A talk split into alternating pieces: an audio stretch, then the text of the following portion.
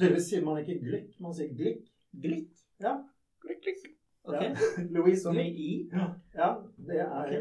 Det er jeg egentlig glad for. Det er, jeg syns det er finere klang enn glukk. Og det handler også om drikking. Ja, det, det er litt derfor det heter barbar. Både fra, det er fra bar til bar, men det er også sett på som litt barbarisk eh, med rus og så videre. Q. Martin Sødal.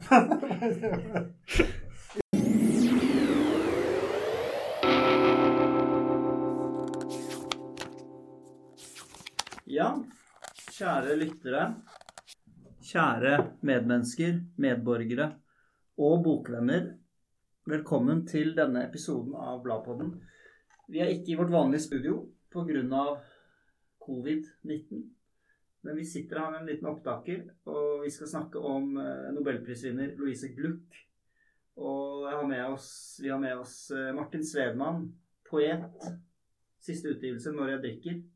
Vi har med oss Morten Langeland, poet. Siste utgivelse, 'Barbar'. Den ga du ut nå nettopp. Og den, det er rosinen i pølsa. Kjære lytter, på slutten av denne episoden skal vi få høre litt fra den boken og snakke litt om den. Ja. Og jeg heter som vanlig Jonas Meyer. Jeg er også poet. Og min siste Hvorfor ler folk når jeg sier det? Min siste utgivelse er The Well-suiten, som finnes på Instagram. eh, Den er veldig fin. Ja. Takk. Jeg har fått med meg den. Ok. For det er derfor vi er her. For å lese eh, nobelprisvinneren Louise Gluck. Er det en forfatter dere kjente til fra før?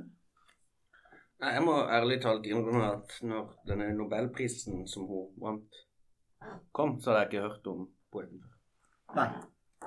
Så dette er min første lesning av Gluck, denne Averno, som vi skal vel konsentrere oss om. Ja. Averno. Ja, den valgte vi selvfølgelig fordi den er på norsk. Den er gjendiktet av Per Petterson. Er den. Kjente du til Louise Gluck? Eh, ja, litt sånn vagt, tror jeg, men jeg hadde ikke lest noe av henne. Nei. Så litt samme som Morten. Altså, at det, er ikke en Og jeg leser en del amerikansk poesi, og det, det har jeg gjort lenge. Så Um, Nei, men det er litt, litt interessant, da. Hvorfor, hvorfor, har, vi, hvorfor har hun ikke sånn større resepsjon i Norge? Ja, den er jo oversatt. Ja. Og det er noen år siden. Uh, nei. uh, dessverre hadde jeg ikke stort forhold til henne. Nei, Det er ikke så ofte uh, engelskspråklige forfattere blir oversatt i po Poesien blir oversatt. Er det kanskje ikke så ofte, fordi vi har tilgang til det. Vi forstår engelsk. Har jeg rett i det? Kan jeg rett i det? ja, altså hvis du ser på den serien til Rune Kristiansen som du først utkom i, Ja, så er vel det sant at det er lite av dette som er nettopp.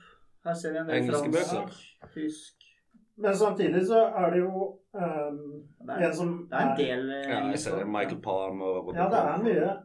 Uh, men det er liksom um, En som er blitt over- oversatt, er jo Ariana Reynes, for eksempel. Ikke sant?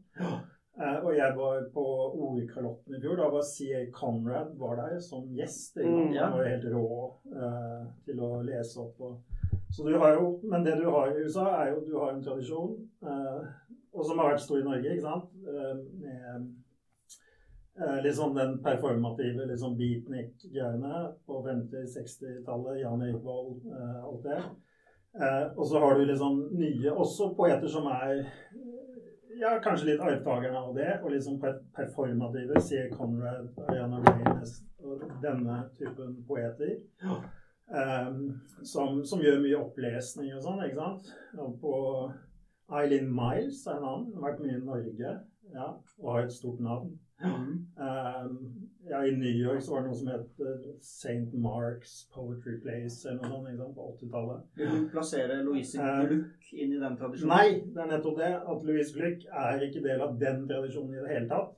Hun er jo en akademisk En helt annen type amerikansk poesitradisjon. Uh, som uh, hvor du uh, um, Nei, hun er jo lærer på, på Yale. Mm. Eh, og har vært Ja, leder workshops og, og er eh, um, eh, Og har studenter. Har, har vel vært mentor også for mange poeter. Jeg tror Claudia Rankin var elev av, av Louise. eh, og tydeligvis sier man ikke Glick, man sier Glick. Glick? Ja. Klikk, klikk. Ok. Ja. Louise Som i i? Ja, det er okay. Det er jeg egentlig glad for. Det er, syns jeg Ja, du er det finere klang enn gluck. Ja, Glikk. Louise. Glikk, glikk, glikk. Ja. Glukk, glukk. Glukk er sånn drikkeliv. Glukk. Um, så, men det er jo interessant. Du, så jeg tenker ja, litt sånn amerikansk poesi. Det er disse to tradisjonene.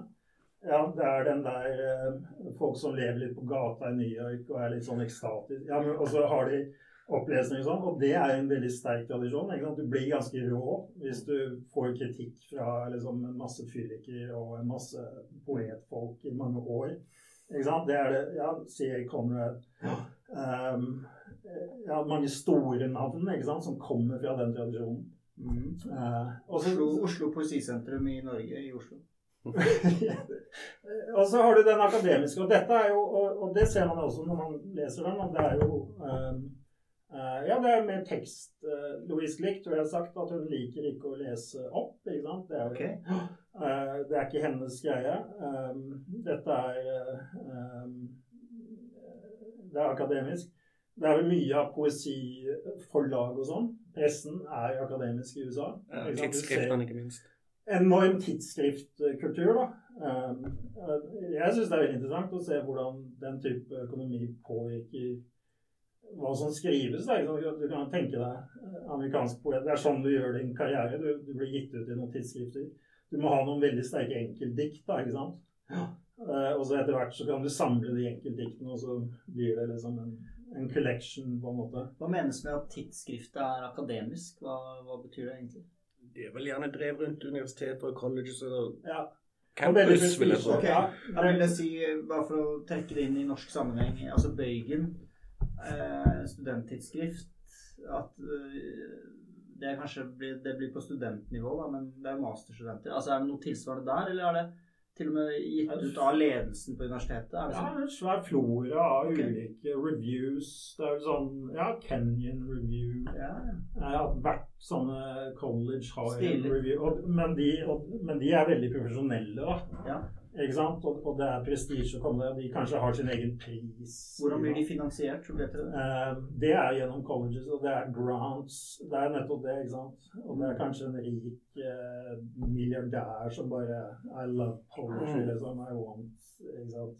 Det skal gå til hunden min, og det skal gå til Poetry Magazine. Ikke sant? Hele min formue. Det er liksom sånne ting. Ja. Um, men det er privat, da. Mm. Eh, så det, men den tidsskriftspubliseringen det, det er også litt interessant med, med, med, med Klikk, er jo det at hun skriver Og det er veldig tydelig at, at, dette er Ja, det er jo sånn sterke enkeltdikt, men det er jo en bok. Ikke sant? Hun skriver, hun skriver poesibøker.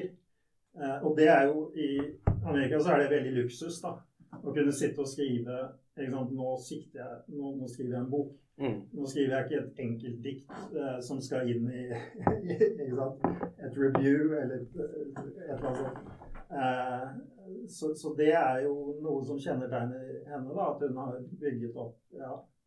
Hun skriver bøker, da. Ja. Ikke sant? Eh, Som gjerne består av lengre sviter. Lengre sviter. Ja. Den første lengre sviten, 'Oktober', heter den i den boka. Den er jo gitt ut som chapbook før. Er det det, ja? Ja. Nettopp. Hvordan fant du ut det? Det står bak her. I den engelske. Ja, fordi du har uh, skaffet deg den engelske versjonen òg. Jeg har sneket med den engelske. Jeg syns det var interessant å sammenligne litt. Ja visst. ja, du har lest begge? Ja, Jeg har egentlig primært lest den engelske og så godt til den norske. Mm. Men vi kan komme inn på det senere. Ja. Nei, men eh, Har vi fått plassert eh, Glick eh, nå litt i landskapet? Ja, og så er hun jo Men hun er jo en slags maskin, da. Ikke sant? Hun er en prismaskin. Og hun er på topp. Hun er på Yale.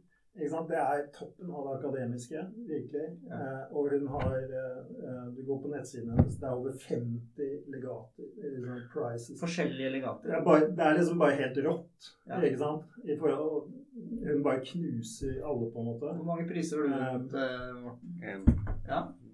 Men hvor mange innbyggere finnes i Norge i forhold til USA? Det er Du må gange omtrent, den prisen du er omtrent på Glick-nivå. Jeg tenkte med Glick noe jeg syns var interessant da jeg leste det og prøvde å tenke på andre forfattere, og der kommer kanskje det akademiske inn. Ja, det minner meg veldig om Ann Carson. Den måten å bruke mytestoff og kunnskap og også tenke i poesien. At det er et essayistisk lærd innslag i skrivinga si. Mm. Som på sitt beste ikke blir for stivbeint. Eh, jeg syns det var Ja. eh, sånn sett et veldig interessant bekjentskap. ja. Det var noen som ble overrasket, så jeg, over at det ikke var Carson som vant eh, Hvis det først skulle være en i den Mm. a- tradisjonen. Ja, hun er vel mer kjent kanskje i Norge òg. Ikke sant? Hun er oversatt og, og ja, liksom har sine fans. Ja. Ja, nei, men Skal vi gå litt løs på teksten her? Kanskje vi skal si kort hva Averno er?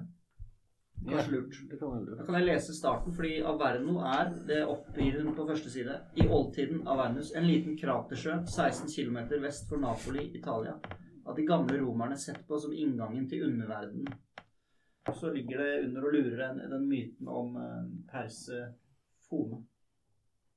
som ble stjålet. Hvordan sier man det? Er det? Persephone. Hun ble, hun ble stjålet av Hades, dødsrikets hersker. Hun var datter av Sevs og Demeter opprinnelig. Yes, sånn var det. Og Demeter er guden for uh, Fruktbarhet og fruktbarhet. ja. ok. Så vi prøver å ha det. Jordens gudinne. Ja. på, eh, ja. Det er veldig Steiner-importfirma, så er det? Steiner-import. Mm. Hva Steiner skole-import. Nei, nå er jeg langt ute på skjønnet. Nei, nei, eh, hva var Steiner? Hvis du kjøper en viss type vin på polet, så er Demeter importøren. Ok, ok. Skjønner. Jeg er ikke så god på vinreferansene, men jeg husker forrige gang du var med, så var det litt vinreferanser da. Ja, ja. Men disse, disse mytene er jo viktige. Uh, Persefone, Sevs, Hades, dødsriket. Jeg tror Mm. Det er vel et stikkord her, dødsriket. Jo. Hva treffer denne samlingen hos dere? Hva, hvor går det?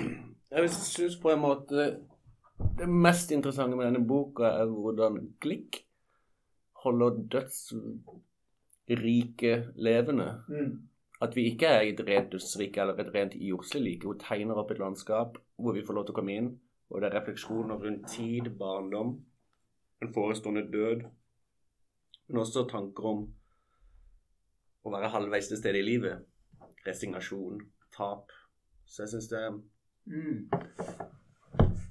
Hun går inn i disse landskapene som på en måte ser mer ut som et slettelandskap eh, i Midtvesten. Under noen eh, steiner og en liten innsjø, kanskje. Mer enn jeg tenker at nå er vi i et ja. Jeg syns på en måte at det er det konkrete, fysiske At det døde får lov til å være i livet, levende på jorda. At det der var interessant. Ja. Um, det er mye overganger. Døråpninger, vinduer. Mm. Jeg syns det er skrevet noen flotte alderdomsdikt her, som en slags resignasjon over livet. Har jeg gjort det riktig? Men også mye å tenke tilbake til barndommen. Den tapte barndommen. Skulle vi, skulle vi lest litt, rett og slett? Og sett nærmere på et utdrag? Vil du starte, Morten? Jeg kan starte. Ja. Kan jeg kjøre på engelsk, eller? Ja, Ikke, ikke at det er så god Ja, engelsk. Ja. Leser jeg eh, de to første strofene i det diktet som heter Averno, altså titteldiktet. Nå er vi mot slutten av boka, side 60. Averno. You die when your spirit dies. Otherwise, you live. You may not do a good job of it, but you go on. Something you have no choice about. When I tell this to my children, they pay no attention. The old people, they think this is what they always do talk about things no one can see, to cover up all the brain cells they're losing. They wink at each other, listen to the old one, talking about the spirit, because he can't remember anymore the word for chair. It is terrible to be alone. I don't mean to live alone, to be alone, where no one hears you. Mm.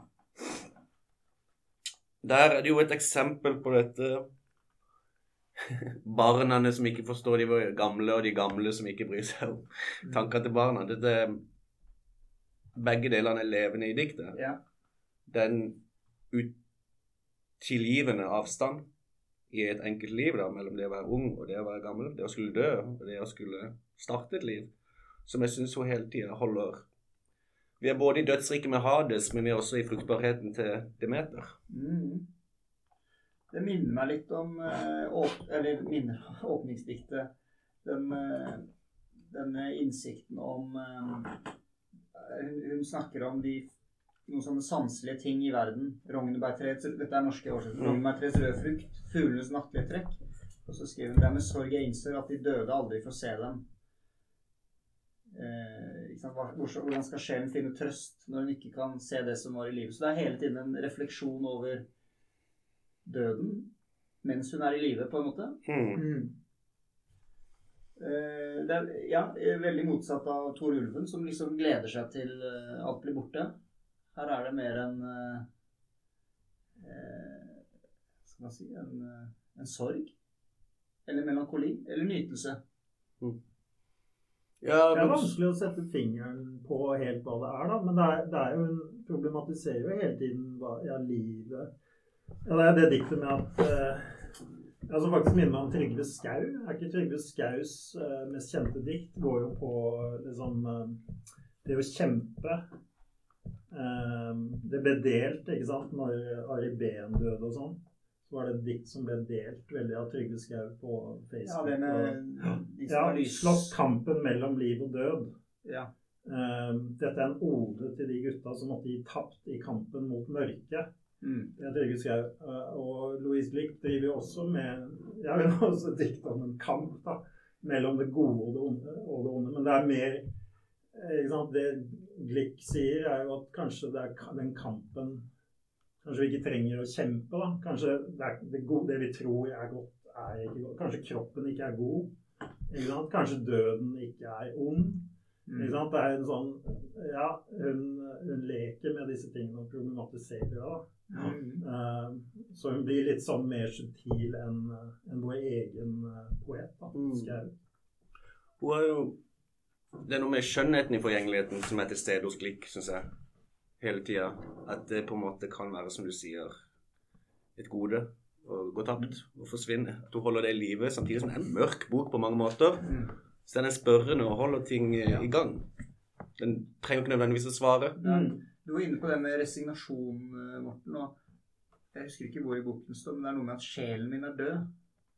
Så hun lever, men sjelen er død. Jeg, jeg får Ja, assosiasjon til Kroppen overlever sjelen. Det er det omvendte. Sjelen, vi, eller det vanlige er jo å tenke at det er sjelen som overlever, mens hun er jo Ja. Og det er, det er en veldig litt sånn skremmende tanke. da. Hun er opptatt av en slags zombie-eksistens. ikke sant? Ja. Sjelen dør. Ja. Og kroppen er det som lever, da. Eh, Det, eh, ja, det, det går igjennom hele Jo, men det er jo en sånn Eh, eh, Og så er det sånn som de sier, den tankevirksomheten. ikke sant? Du åpner jo med dette diktet som du leste, 'Nattastrid'. Jeg leste ikke, jeg gjenfortalte det. Um, ja, men at det er sorg i det, da. Så, så begynner Vent du litt, hvorfor lo du av det, Morten? Eh, at du bare fraserte det? Ja. Nei, jeg syns Ja. det var en artig kommentar. bare. Ok, ja. um, Nei, men så Det åpner jo med en sorg, men så begynner hun med spørsmål, da, ikke sant? Så står ja. ikke i, i, i sorgen. Det er liksom Hun spør seg Ja, men kanskje ja, Kanskje vi bare ikke kan forstå de døde, da. ikke sant? Kanskje, kanskje de ikke savner disse Ja. tingene. Kanskje bare det ikke å finnes er nok. Ja, og det er jo det, det fine ja, Vi begynte jo med å snakke om mytene og sånn. ikke sant? Og det er jo hvordan denne myten er blitt presentert, er jo som en kamp mellom eh, Demeter og Sefst, Det er liksom sånn makt mellom eh, ikke sant? Også, og, og, og Persefone er, er Hun er liksom bare borte, da. Hun er bare under, under bakken. og så Mm. det er, det er vel Ovid som har eh, ja, den mest kjente beskrivelsen av det. Okay. Og, det, og det er veldig fra det der perspektivet til moren som, ja, det, som leter etter den kidnappede datteren. Det er jo nesten som en film. Eller, ikke sant? En sånn, Mm. Mens det Glick gjør, er å ta perspektivet til Persevene, og at hun er i underverden. Og at Ja, men ja, er hun bortrøvet, liksom? Er hun Ja, hun er jo voldtatt, men det er også spørsmål der også, ikke sant? Um, Hun har sex i helvete, som hun skriver et sted. ja, ja, ja. Um, men um, det er den delen av historien, da. Det er persjefene i underverden som Glick bruker sin fantasi til å eh, skrive ut i denne boken. Og der er det også det at hun har Det er vel to av diktene som har Persefone som tittel, men i den andre så står det det fins også andre versjoner av myten. Altså hun Mm. peker på at det fins forskjellige lesninger av dette livet. Og Ja. Persefone selv, som du sier, som ikke vet om det som har skjedd med henne, er et gode, et onde osv. Er det tvilen? Mm. Ja, den spørringen, da, hele tiden. Ja. Eh, At det er eh, Det er noe karakteristisk på boken. Mm. Ja. Mm. Ja, eh, hun har noe om kjærlighet eh, som også er en sånn eh, ikke sant, Er det et gode eller ikke? Eh, skal vi se om jeg finner det. Det er om eh, parforhold og å bli forelsket. er som å bli slått ned av lynet. Husker dere hva jeg tenker på? Ja. Og så er det sånn elektrisk stol... Ja. Flott. Det er et Ja. der. Veldig ikke når vi ser på de, nå parafraserer jeg igjen da, eh, når vi ser på de voksne, så var det ikke, tenkte vi ikke at deres kjærlighet var som et lynnedslag, men som en elektrisk stol. Mm. Så der igjen er det den eh, ikke sant, lynnedslag som noe fantastisk. De sier, søsteren sier det fordi hun har lyst til at lynet skal treffe henne. Mens kjærligheten blir noe tortur, da. Eller parforholdet blir tortur. Kort prosess. Men så er jo forholdet til mora det er jo også tortur, da. Så det er jo liksom Ja, det er jo Ja. ja, Hvilken Hva skal man velge? Har du lyst til å lese noe, eh, eh, Martin? Ja, jeg har også valgt et dikt, da. Uh, jeg valgte en myte om hengivelse, som Mm. er på side 65 i, den, eh, ja, i Per Pettersons eh, oversettelse. Vi får det på norsk nå. Ja. Ja, jeg leser, jeg leser på norsk. Ja. Da Hades forsto at han elska denne jenta, bygde han til henne en parallell verden. Alt sammen likt helt ned til enga, men i tillegg ei seng. Alt likt, sollyset inkludert, fordi det ville være tungt for ei ung jente å bringes så fort fra sterkt lys til fullstendig mørke. Litt etter litt, tenkte han, la jeg natta komme. Først som skyggen av det flagrende løvet. Så måne, så stjerner. Så ingen måne, ingen stjerner. La Persefone vende seg sakte til det. Til slutt, tenkte han, vil hun finne trøst i mørket. En kopi av jorda, bortsett fra at det var kjærlighet her. Vil ikke alle ha kjærlighet? Han venta i mange år, bygde en verden, iakttok. Persefone i enga. Persefone, en som lukter seg frem, en som smaker. Har du én lyst, tenkte han, har du dem alle. Vil ikke alle kjenne den elskedes kropp om natta? Kompass, Nordstjerna. Høre den stille pusten som sier 'Jeg lever'. Det betyr at også du lever, fordi du kan høre meg. Du er her hos meg. Og når en av oss snur seg, snur den andre seg. Det var det han følte, nattas fyrste, da han så hvilken verden han hadde skapt for Persefone. Det slo han ikke at det aldri mer ville være noe lukting her, og slett ingen spising. Skyld, redsel, frykt for kjærligheten. Disse tinga han ikke kunne forestille seg. Ingen elsker gjør noen gang det. Han drømmer, han spekulerer på hva han skal kalle dette stedet. Først tenker han det nye helvete. Så hagen. Til slutt bestemmer han seg for Persefones barndom. Bak senga stiger et mjukt lys over den slette enga. Han tar henne i armene sine. Han vil gjerne si 'Jeg elsker deg. Ingenting kan skade deg'. Men det, kjenner han, må være en løgn, så han ender med å si 'Du er død. Ingenting kan skade deg'. Som for ham virker mer løfterikt som begynnelse mer sant.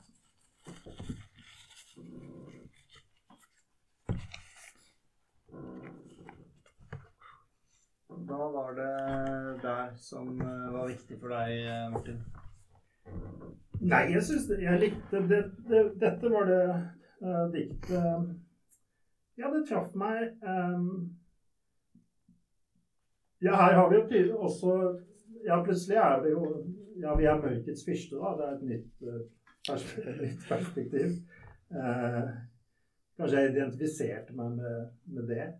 Um, nei, altså den der Jeg, jeg synes at uh, det er veldig flott. ikke sant? Det er jo litt majestetisk, dette bygge en verden for, for henne. Og så er det litt creepy. Det er jo en sånn Det er jo en horror ikke sant? Det er som Det er en sånn film. Sånn seriemorderopplegg, da. ikke sant? Du, ja, du kidnapper noen, og så bygger du en verden til henne i kjelleren din. ikke sant? Det er jo noe man har sett. Så det er liksom noe litt morsomt med, med, det, på en måte. Å fremstille Hades som en sånn creepy amerikansk seriemorder fra Midtvesten. Ja. Som er litt gøy, rett og slett. Um, jo, men det er, det er noe rørende også. Det er noe fint med uh, det som skrives om kjærlighet. Ja, vil ikke alle ha kjærlighet? Ja. Det er noe fint med hvordan han venter. Uh, han spionerer på henne. Det vet jeg ikke om er med i i noen av de mytene i Ovid eller noe sånt, men det er, det er Glick sitt bidrag. At han Ja, dette er ikke spontant. Jeg tror I Ovid så er det sånn at han blir truffet av en pil. ikke sant? Egentlig så er han ute eh, og farter eh, om å holde på med noe helt annet, ikke sant? Men så er det et komplott. Det er Amor og Venus som sier ja, nei, men nå vil vi at de to skal bli sammen. Ja. Men her er det han som det som har sett seg ut eh, henne. Uh, og det han er fascinert av, er sanseligheten hennes. da. Det er det han ikke har. Mm. Ja, det er noe fint og, og litt sånn rørende og mørkt. Ja. Eh, og creepy. og så tror jeg det er én Det eneste med dette når jeg leste det på norsk, er jo Ja, for jeg tenkte litt på språket her. ikke sant? Det er ja, vi må alle, vil ikke alle kjenne den elskede på natta? Kompass, nordstjerne. Det er litt sånn um, Jeg tror ikke det er kompass, da. Jeg tror campus på engelsk. Jeg tror det er passer. At det er Ja, for det er sånn bilde fra engelsk poesi. Hvis du har sånn de metafysiske poetene og sånn. De var veldig opptatt av det, da. Uh, og det er altså mye bilder i denne boken som er hentet fra litt sånn barokk uh, teleskop. Passere, kompasser.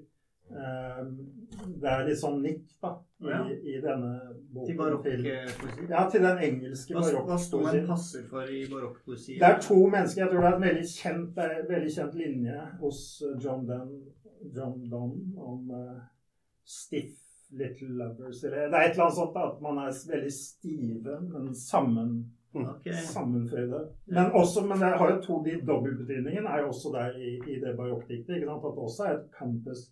At det er, de peker i samme retning. Mm. Men også at man beveger seg litt sånn stivt beint fremover sammen. Ja, det høres rimelig ut. Det er jo, han bygger jo en verden, så det må jo være et slags element av opp, oppmåling av verden Ja. også. Ja, opp- ja interessant. Ingeniørkunst. Ja, det er en slags ingeniørdikt. Ja. Jeg syns den er så flott, den fra det du leste, Martin. Skyld, redsel, frykt for kjærligheten. Disse tingene han ikke kunne forestille seg. Ingen, Ingen elsker å gjøre noen gang det. Superfint. En gang til. Ingen elsker. Gjør noen gang det. Altså det der monologiske i det å elske noen nærmest. Mm. Eh, hvor du ikke kan se på det at den andre kanskje kan være, i dette tilfellet, den unge jenta. Ja, man Redd, for eksempel. For det skal inngå i. ja, men Det er seriemorderen i Midtvesten, ikke sant, med et eh, Som um, Og så er det litt gøy, dette her Det er litt med navnene. At han, han skal gi dette et navn. Mm. Det nye helvete. Det er, ja, er kult. Eh, Jeg hadde tre understrekninger i denne teksten. Først var det en kopi av jorda, bortsett fra at det var kjærlighet her. bortsett ja, men ja, det, Ja, det synes jeg var fin. det er utrolig fint. Og så har du én lyst, tenkte han. Har du dem alle? Det kjenner jeg meg igjen i. altså. Jo, hun slår seg løs Ja, her. når du først, slår seg løs. først, Ja. når du først gir etter for en lyst, Mm. så kommer neste lysten. Først begynner å åpne Jo, men det er jo sånn. Først kjøper du deg en sjokolade, så ser du litt på YouTube, og så plutselig ligger du i sengen og dynker deg i is og Det, det var min private Jo. Ikke bli privat. Nei, men det er ikke feil. Og så det Eh, siste jeg streket, er det, åh, det er så fint. Dette er jo klimaks i diktet, da. Slik jeg ser det. Mm. Først sier han 'jeg elsker deg, ingenting kan skade deg', men så sier han i stedet 'du er død, ingenting kan skade deg'. Ja. Og da tenker jeg på sånn eh, altså, Som jeg var inne på i sted, den døde sjelen. At når du Mm. En måte å beskytte seg selv på, er jo å slippe å føle ting, er jo bare å bli helt mummen. En forsvarsmekanisme du ikke kan styre, da, ubevisst. Så du ikke kjenner glede. Du slipper å kjenne sorg, du slipper å kjenne sinne. Du Mm. bare er død. Og da, kan du ikke, da er det ingen som kan skade deg. Du kan ikke bli såret. da. Det eneste måten det er jo det For han elsker henne jo, ikke sant? men det er en løgn. Fordi kjærligheten er ikke sterk nok. Hun kan bli skadet selv om han elsker henne. Eneste måten å gjøre Ja. Ja, få henne dit at hun ikke kan bli skadet. Da er det ikke lenger noe risiko. hvis hun er død. Ja. Mm. Uh, For han har tatt henne med til sitt rike, så han, han tar Ja. Det er en løgn, altså. Um,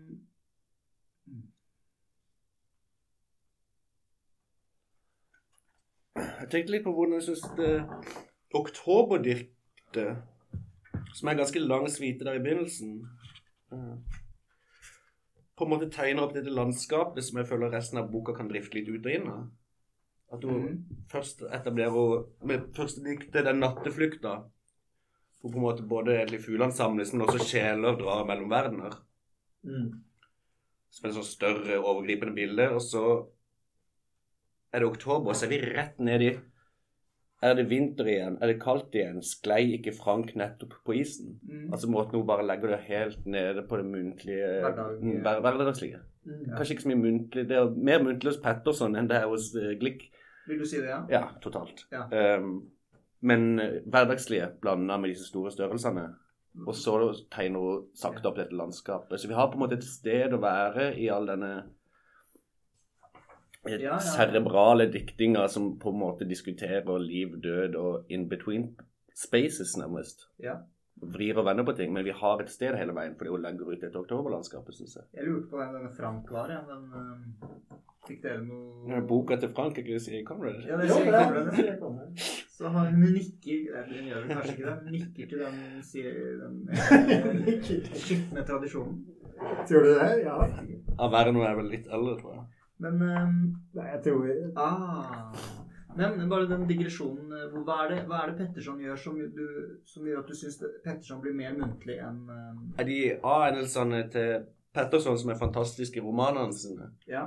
gjør det litt mer ned på en slags muntlighet her, syns jeg. Jeg Ja. syns det gjør at vi kommer litt for langt nede, og at de forskjellige verdenene Glikk egentlig opererer med, ja.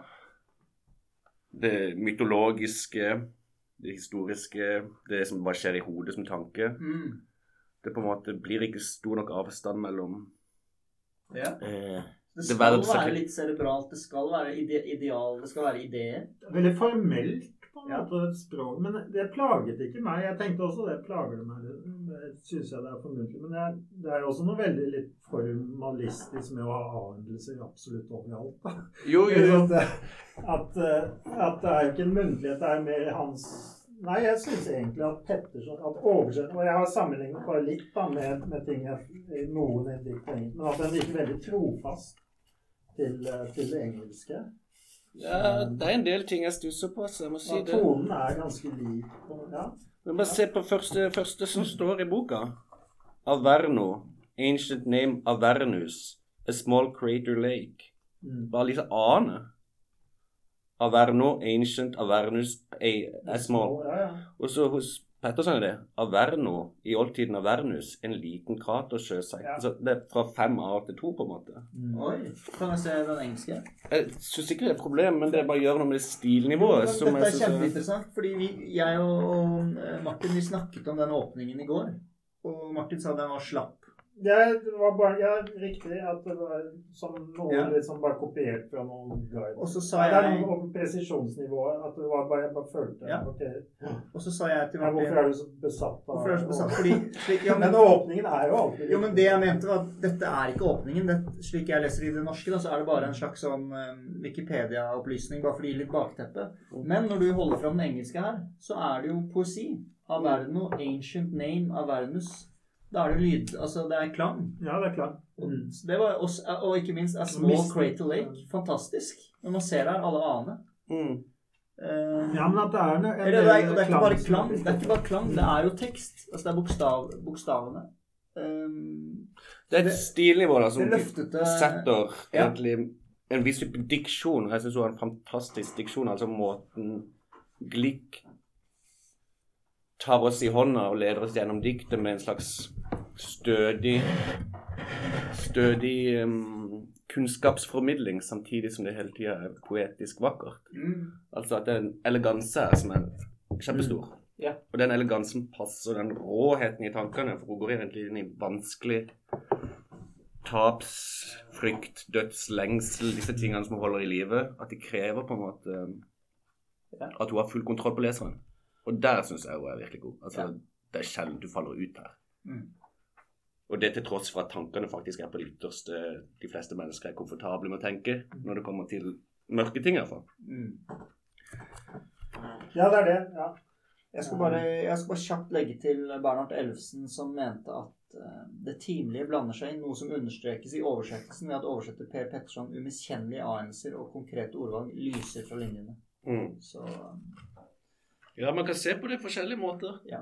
Men altså, skal du akseptere disse limbo, de elysiske sletter, disse merkelige verdenene som nærmer seg døden, så er det jo et stilnivå som er kunstferdig. Det er jo ikke noen som sitter og snakker til deg. Mm.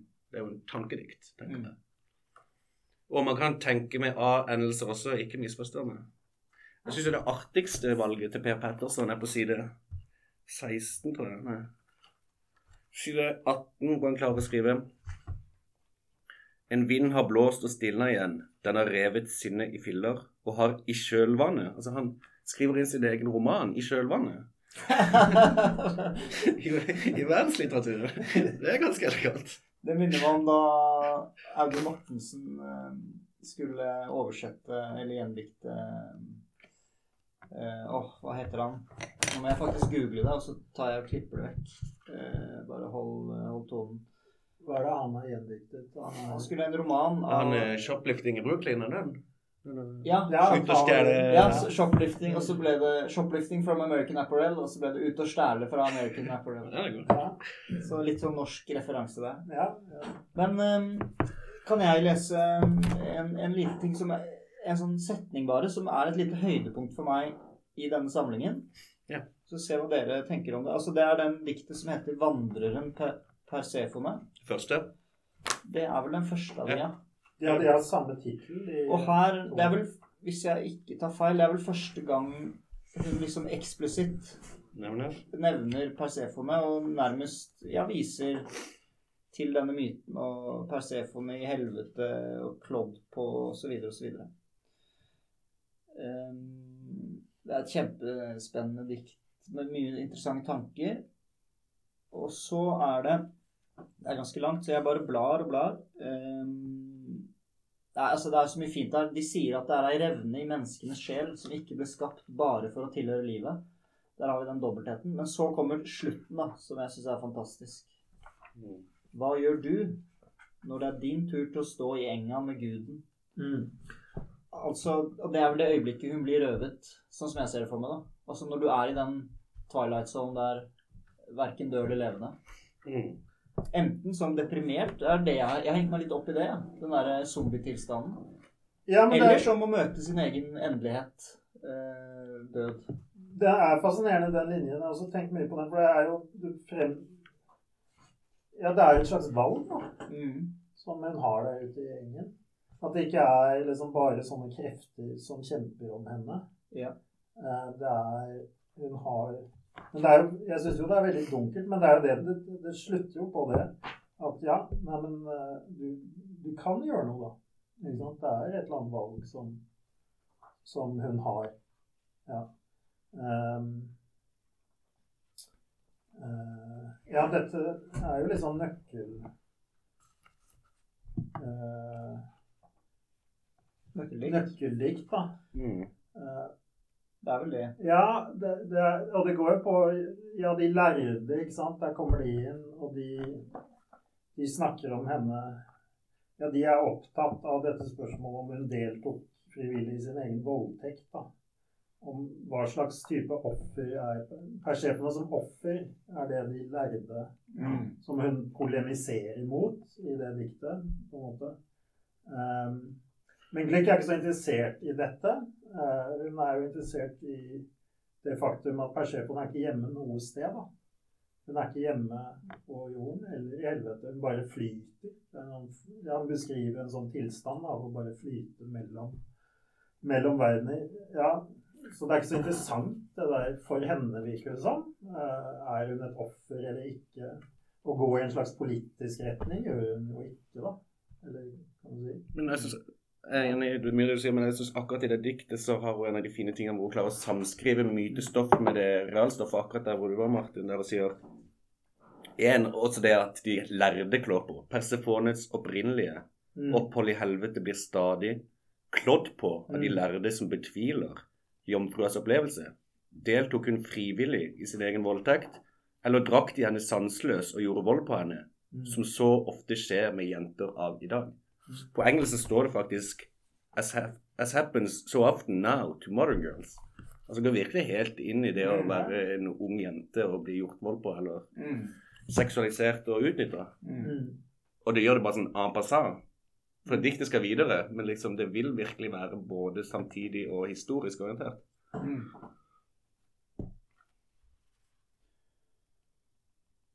Jeg lurer på om det er um, Det er jo å stille de riktige spørsmålene, da. Det, er, det kommer hun hele tiden tilbake til i denne samlingen. Ja, det er sånn oppfordring Du må spørre deg dette, du må gjøre det. Ja. Det er dette som er det virkelige spørsmålet. De sitter og sier dette her, men er det det? Det er, det er det, ja, en sånn graving Ja, og, du og spørrevirksomhet ja. som er eh, Ja, men som gjør at man, at man leser ja, at, man, at det er besnærende, da. Og så er det no, en, en erfaring alle, på en eller annen måte beskriver som alle skal igjennom også. Og det handler om Altså, hva gjør du når det er din tur? En gang er det din tur. Mm. Jeg lurer på om det er på tide Det er jo mye mer å si om denne boken, men jeg lurer på om det er på tide å lese et lite leserinnlegg vi har fått. Og ta stilling til det. Leserinnlegg har du fått ny spalte. Ja, vi, det gikk jo rykter da om at vi skulle ha denne episoden og lese Louise Glick. Og da fikk vi et brev fra en, eh, en forfatter, svensk forfatter. Hun ville være anonym, men hun har gitt ut to poesibøker og en roman. Hun har gått uh, litterær gestaltning. Hun skriver Hei. Jeg jeg er ikke så god på svensk, så jeg bare mm, leser så godt svensk jeg klarer. Hei, Bladpodden. Jag tycker det är hemskt att ni är tre män som ska diskutera en kvinnas poesi. Forstår ni inte hur fruktansvärt respektlöst detta, detta är? Det värsta är att förlaget Oktober valde en man att översätta texten. En man kan aldrig, jag upprepar, aldrig översätta en kvinnes erfarenheter. Särskilt inte i det nyliberala skitsamhället Norden. Det är verkligen hemskt. Kan vi ta stilling til den påstanden? Kan tre menn diskutere på fornuftig, sensitivt vis uten å gjøre vold, uten å fortsette en eh, sånn tusen år undertrykkelsesprosess? Kan vi fortsatt snakke om en kvinnes poesi? Og kan en mann oversette eller gjendikte en kvinnes erfaringer? Vær så god. Vi har, snakket, vi har snakket om våre erfaringer òg, vi har snakket om kjærligheten i det diktet jeg leste, og sånn, så trekker vi jo inn våre egne ja. Vi snakker jo også om oss. Ja. Og så prøver vi å snakke litt om hun som vant Nobelprisen i litteratur. Ja, for er det ikke det poesilesning egentlig er? Å snakke, altså, å snakke, altså, man gjør det jo til sitt eget. Ja, jeg vil jo si at det er veldig bra at tre menn diskuterer kvinnelig poet. Jeg kan ikke helt se problemet der. Kanskje du skulle hatt noen andre i studio? Det får så være hvis dette var et Men at vi fortrenger at, ja, at, at vi tar mye plass akkurat nå, liksom. Og fortrenger kvinner som kunne ha snakket om Grieg. Men det er to ting jeg reagerer på. Det ene er bare Det står i etterordet her, eh, eller det sto i et intervju at det er Per Petterson som kommer til Rune Kristiansen og ber om Ja. å få lov til å gjendikte det. Det er ikke forlaget Oktober som har dytta disse sammen. Det er jo, det kommer det jo Conor Måre. Han elsker dette diktet og vil ha det ut på norsk. Mm. Og Det det andre jeg reagerer på, um, kan en mann skrive om eh, en kvinnes erfaring? Jeg syns jo ikke en bok er noens erfaringer. Det er jo et kunstverk. Det er et kunstferdig produkt Ja. som består av tanker, erfaringer, Mm. og lek Ja. osv. Hvis Averno var Louise Glick sitt sjeleliv, så hadde det vært noe annet. Ja, ja. Men det er et kunstprodukt. Jeg er ganske enig. Jeg skal si, jeg avslører, det er jeg som skrev det brevet. Så jeg var en mann som latet som jeg var en kvinne, som skrev det brevet. Hva syns du om det? Jeg latet som jeg var en kvinne. Ja, men du må jo ska, ja, skape litt kontrovers. Og, Ja. ja, og Så det er egentlig Ja. du som er mest fordomsfull her. som har lagd denne fordomsfulle svenske kvinnelige forfatteren.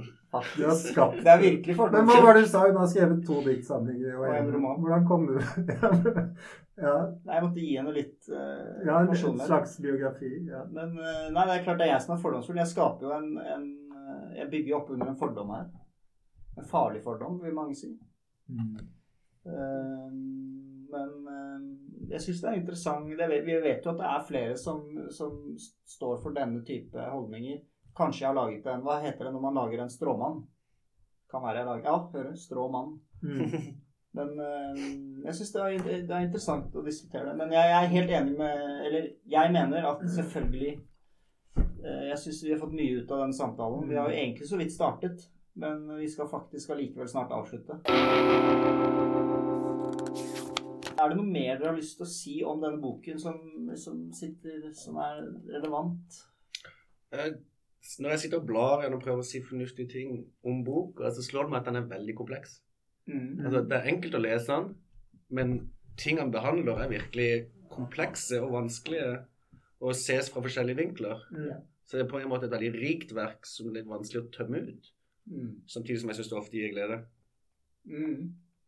Uh, Ja. Får Jeg- lyst til å lese andre bøker òg, vil jeg si. Mm. Jeg har begynt på en The Wild Iris. Kjempefine dikt med sånn religiøse Sånn t- utrolig flott, tvilende, rar holdning til Gud. Hva er Gud? Og det er utrolig flott.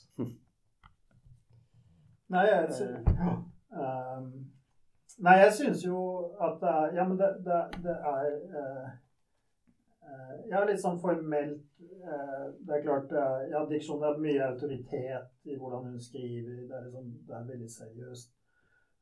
Men også litt humor, da. Mm. sånn som vi leste det Havels-diktet.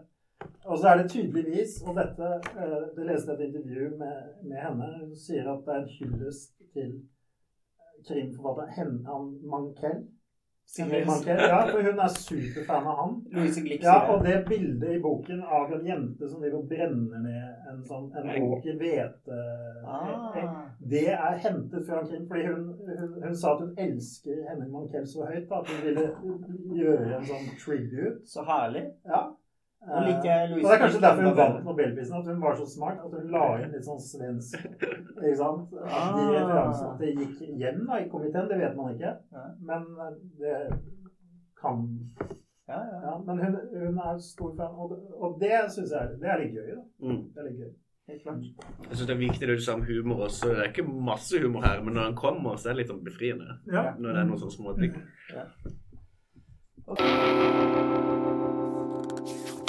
Vi har allikevel eh, en liten overraskelse til lytterne, nemlig eh, rosinen i pølsa nå. Eh, nemlig Morten, du er jo ute med bok for tiden. Ja, ja, ja. Kom en ny bok for en måned eller to siden. Så ja, har du lyst til å lese litt først, og så snakke litt om anmeldelsen i bladet f.eks., og så lese litt helt til slutt?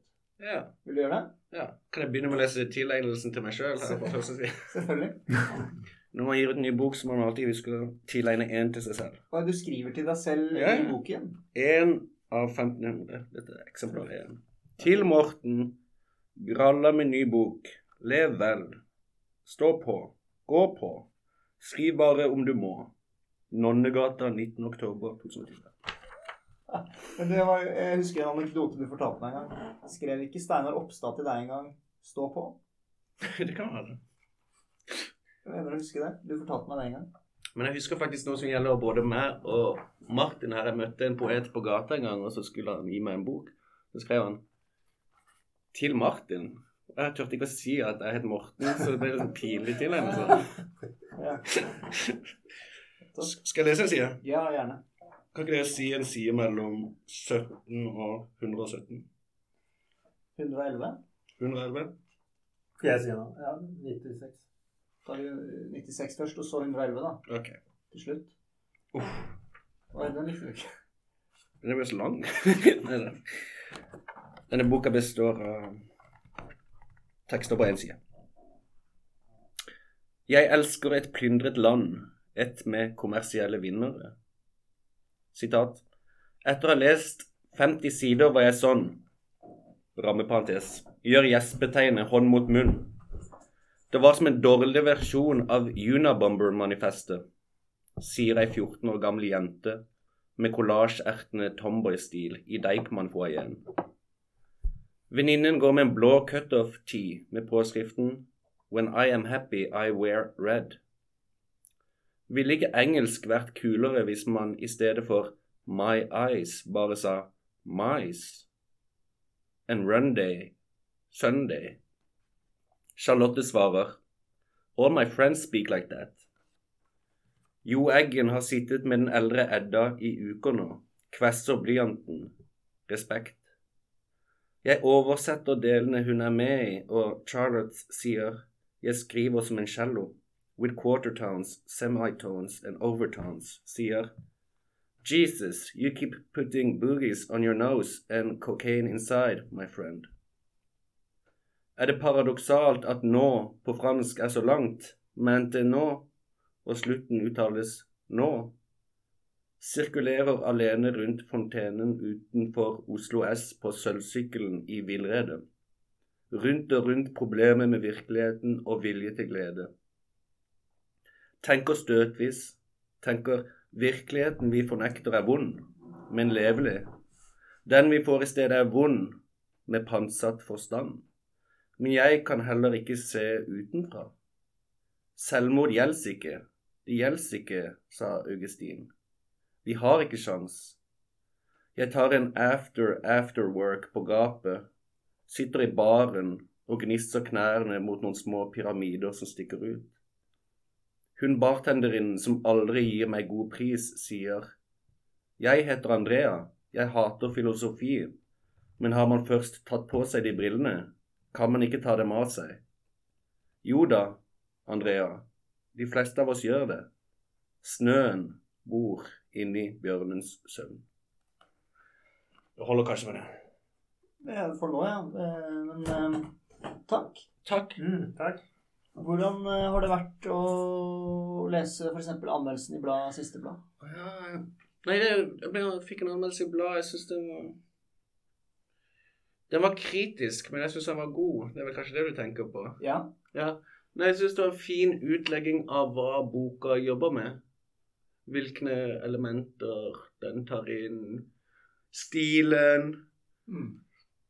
Egentlig på en måte det som er de mest sentrale tingene ved boka, syns jeg at anmelderen klarte å legge ut. Ja. Selv om dommen hans var nok litt skeptisk, litt negativ, Ja. så var det de tingene han klarte å peke på, som gjorde at jeg syns det var en fin inngang til boka. ja. Eh, Som jeg fortalte deg, så Thomas Espevik, som er tidligere redaktør i bladet, han pleier å si, han pleier å si hver gang en forfatter legger ut på Facebook og sier 'fantastisk lesning av min bok', så det, betyr det egentlig en positiv lesning. Eller her fikk jeg ros. Men Mm. du, ser, du mener han var kritisk, men samtidig også så noe prosjektet ditt, er det det? Ja, altså mange av problemene som er inne i boka, er jo problemer jeg har hatt som tenkende og skrivende, Ja. og har villet på en måte behandle. Ja. Og at det kanskje ikke blir Jeg syns det er mer interessant enn hvorvidt noe er godt eller dårlig. Sånn som første Mm. Og da blir jeg glad når noen ser og klarer å vise fram til leserne av anmeldelsen at disse tingene er på spill. Så får leserne heller gjøre opp en mening. Hva, hva er det som er på spill for deg i denne boken? En veldig desperat bok. Den handler om uh, drikking. Den handler om koronatida. Det er skrevet som en slags dagbok. Ja.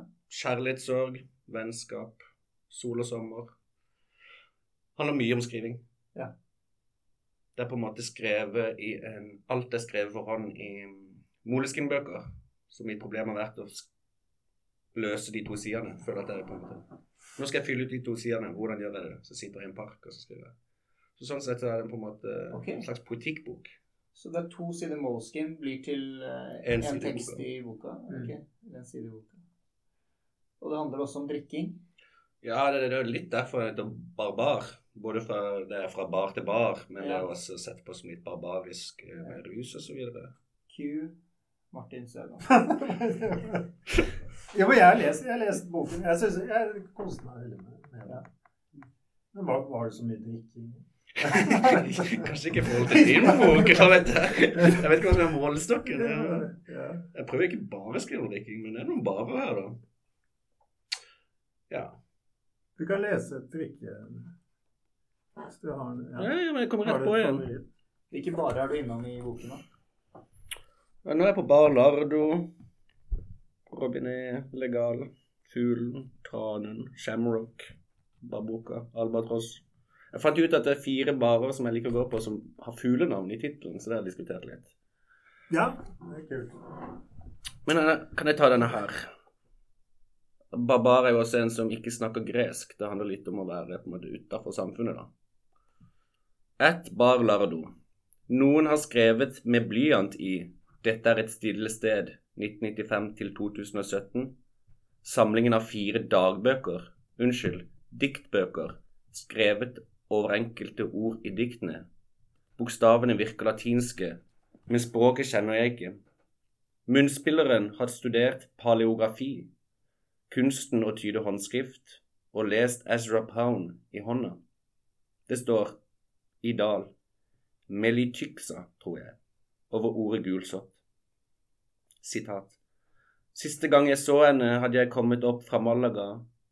Hun lå på en madrass i stuen, og jeg fikk ikke røre henne av smittefaren. Hun hadde fått gulsott av dårlige skalldyr. Sitat slutt. Helt gresk for meg. Kall meg barbar.